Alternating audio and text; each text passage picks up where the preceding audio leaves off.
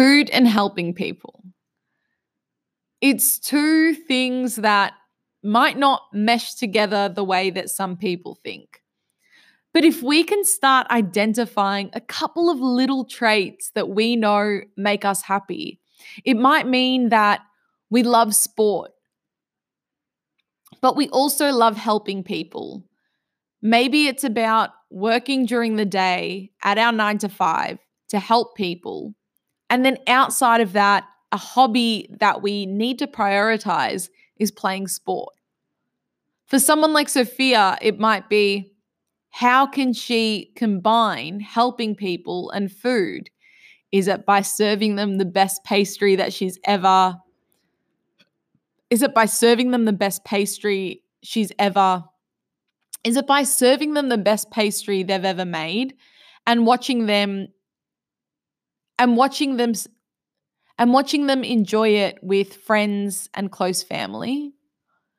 Or is it opening up her own bakery and helping others by employing them or doing something with the place that she opens? I don't know what it is for her, but I think it's start but I think it's time for but I think it's time for us to start but I think it's time for us to start considering what these things are for us.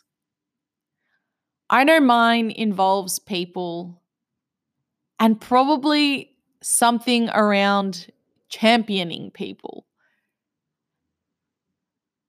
I don't even know what the fuck that means, but I want to try and empower other people to take control of their own lives because for so because for a period of my life I felt like I didn't have control of it. And that left me feeling lost and confused.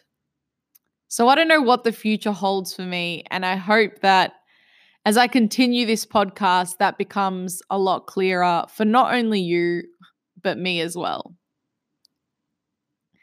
I guess that's it for today's episode. Thank you so much for listening again.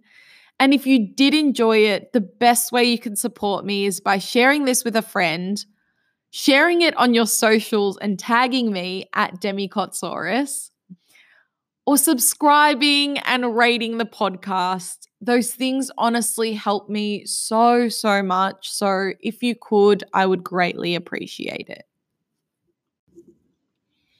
And if you want to find out what my three things are, make sure you join the Facebook group. In there, I'll be posting what my three things are and encouraging you to do the same.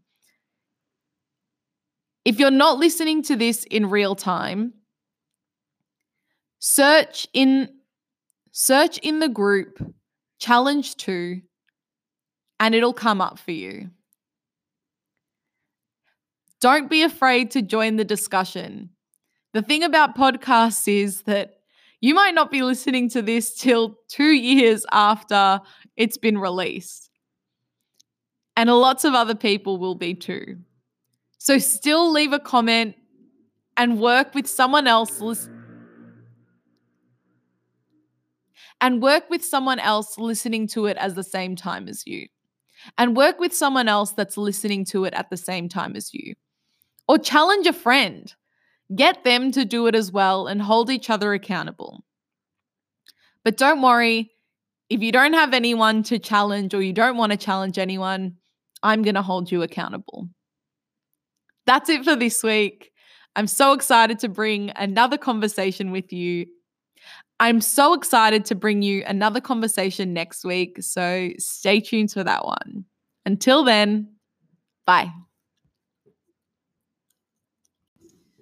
But before I go, you're probably going to want to know what this week's challenge is. And that is to dream big. I want you to write down three things that you want to explore in the next 12 months. Whether that be big or small, write them down. You don't have to take any steps towards them yet. I just want you to start thinking about it.